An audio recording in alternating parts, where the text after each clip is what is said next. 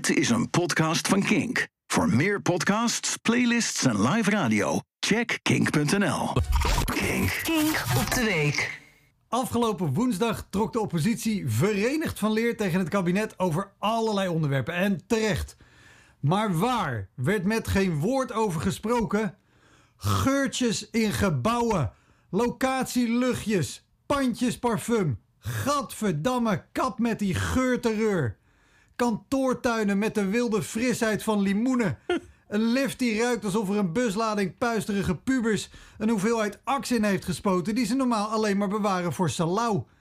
Het lijkt tegenwoordig wel alsof elke openbare ruimte zich net klaar heeft gemaakt om met de partybus te gaan stappen in regio disco Alcazar, Manenbrug, Time Out, de leren lampen of hoe de disco bij jou in de buurt ook heette waar goedkope deo en verstoorde hormoonhuishoudingen elkaar ontmoeten. Lucky.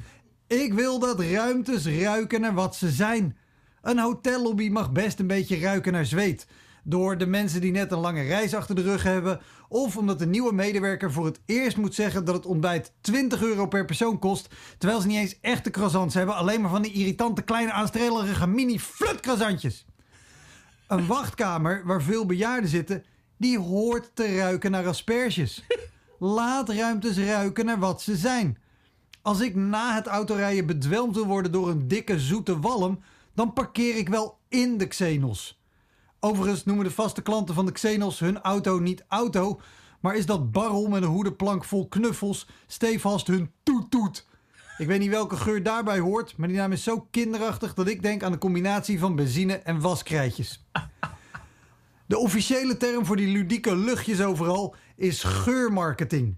Dat begon ooit klein en onschuldig. Even een appeltaart bakken voordat de kijkers voor je koophuis kwamen, omdat die baklucht zorgt voor een gezellige sfeer. En dan doet niemand meer moeilijk over een paar platen asbest en een lekkende septic tank in de voortuin.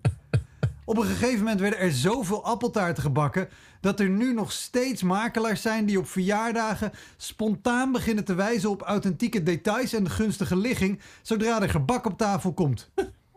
Maar nu ruikt het overal altijd wel ergens naar. Of liever gezegd, het ruikt overal altijd net nergens naar, want het is vlees nog vis.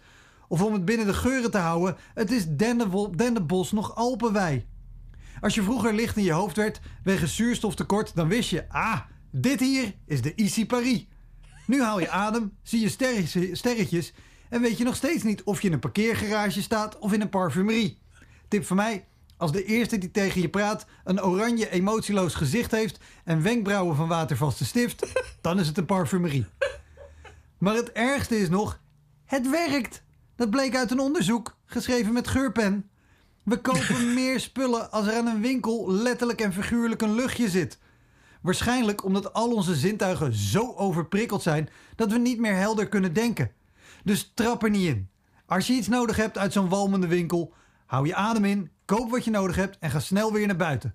Of nog beter, haal er je neus voorop. Want bij een chemisch luchtje in een winkel is het net als bij een wc-verfrisser. Je weet gelijk, hier is stront aan de knikker. Bedankt voor het luisteren naar deze Kink podcast. Voor meer interviews en muziek, check de Kink app of kink.nl.